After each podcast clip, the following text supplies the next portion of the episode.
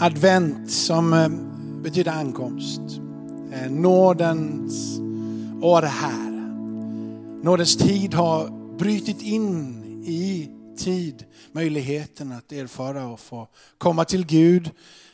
Och han som ger villkorslöst till alla de som ödmjukar sig. Han är det som rider in. När han rider in i Jerusalem så ställer sig frågan, de prisar och säger Hosianna i höjden. Och de säger, vem i hela världen är det? Det är som att det finns en dubbelhet i det. Det är helt overkligt att han skulle vara Guds Messias som stiger in i Jerusalem. Samtidigt så verkar han ju vara det, för det är ju det de sjunger. Men vem är han? Och så svarar folket, det är profeten, det är Jesus från Nasaret. Jesus är fullt ut medveten vad det är han gör för någonting. Han är ju skickat iväg lärjungarna själva. Han är fullt ut medveten om hur han vill presentera sig själv. Jesus har ett annorlunda sätt att förklara vem han är. Han svarar på frågor på ett helt annat sätt än vad människorna ofta är vana vid. Han visste att han genom att rida in på den åsnan skulle i handling proklamera det som profeten Sakarja redan hade sagt. Han kommer in ridandes på en åsna. Så ville Jesus tala om vem han var. Så ville Gud presentera sitt evangelium. Inte med makt och med kraft och med styrka utan ödmjukt, saktmodigt ridandes in i staden så kommer Jesus och gestaltar riket som är på gång in. Nåden personifierad i Jesus. Han ville ge den rätta bilden av vem Guds Messias är. Den som absolut inte kom för att erövra världen med vapen, med makt, med position, med inflytande, med kraft av någon yttre sak. Utan på ett helt annat sätt så ville han presentera Guds rike. Med en helt annan kraft. En ödmjukhet, en mildhet, en barmhärtighet, en yttre ringhet. Men med en inneboende kraft som spränger igenom fördomar och yttre barriärer. finns någonting när Jesus rider in som banar vägen genom ödmjukheten. I eh, Johannes så säger Pontus Pilatus, är du verkligen judarnas konung? Och Jesus svarar, mitt rike, mitt rike är inte utav den här världen. Det är ett annat system. Guds rike är en helt annan sak än världens yttre system. Det finns liksom inte en, en förebild här i världen, men det finns en himmel. Det finns ett rike som öppnas genom Jesus. Pontus Pilatus säger då, alltså du är en konung. Och då säger Jesus själv, ja, jag är född för att vittna om sanningen. Jag har kommit till världen för att presentera sanningen. Och var och en som är av sanning lyssnar till min röst. Vägen in i den här sanningen är en ödmjukhet som överträffar allting. Gud vill lära sitt folk någonting om hans egen karaktär, vem han är, när han rider in i staden på det här sättet.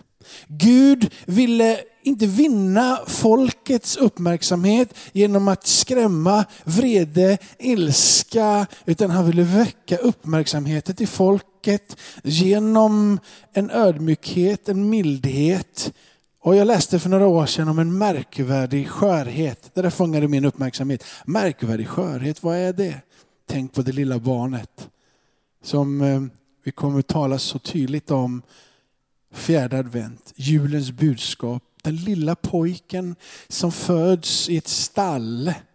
Ingenting för det yttre. Inte mäktigt, inte stort, utan smutsigt och skört.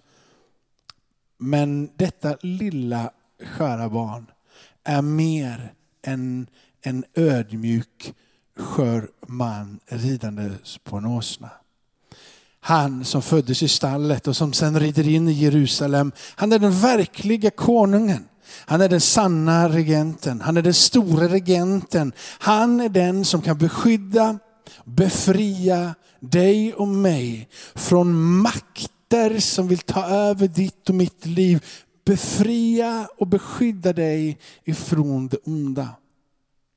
Han den gode regenten. Han vill befria dig ifrån ångest, ifrån skulden och från skammen. Han vill ge dig förlåtelse villkorslöst. Han vill att du ska stiga in i hans nåd och han vill ge dig rätt rätten tillbaka att vara människa fullt ut. Han vill ge dig värdigheten tillbaka. Han vill sätta dig in där du kan få leva värdigt fullt ut igen. Jesus, han är den som leder detta osynliga Guds rike. Guds rike, inga begränsningar i det här riket och inga gränser i det här riket. Det är ett rike som finns i dig och som finns i mig, men också som finns mitt ibland oss och vill ta sin plats mitt ibland oss och ta sin plats på din insida. Det vill forma dig från insidan till utsidan och det vill fylla din och min gemenskap med en atmosfär och närvaro utav Gud själv som överträffar och överstiger allting som man kan få på den här jorden. Det riket är där. Det som banar vägen för det här Tre unika händelser i Jesu liv. Och det här julens budskap blir så viktigt för dig som mig som är kristen, eller för dig som längtar efter ett Jesus ska komma in i ditt liv och bli så där verklig. Och det är jungfrufödseln. Jungfrufödseln är helt unik. Vilken annan människa har varit med om det? Din mamma blev gravid genom den heliga ande. Helt unikt. Det som är unikt är ju inte att Jesus levde, men det som är unikt också är ju att han uppstod ifrån de döda. Döden kunde inte hålla kvar han i dödsriket. Det fanns ingen makt över Jesus utan Jesus kunde uppstå ifrån de döda. Himmelsfärden. Han vandrade omkring ibland sina lärjungar. De fick äta tillsammans med honom, de fick röra vid honom. Han bevisade att han hade uppstått ifrån de döda och när han vandrade tillsammans med dem så lämnar han dem och de får se hur han stiger upp i skyn. Han sitter idag på Faderns högra sida. Han manar gott för oss. Han är levande i allra högsta grad. Inte som en vålnad utan som en människa de kunde röra vid. En person de kunde röra vid. Jesus säger, mitt rike är inte av den här världen. För att vittna om sanningen är jag född. Det här nådens år, nådens tid. Att få stiga in i en gemenskap med Gud. Du kan aldrig förtjäna det. Du kan aldrig säga att det är min rättighet. Men du kan få komma till honom och du kan få ta emot det i tro på att han är den han säger att han är. Nåden har börjat.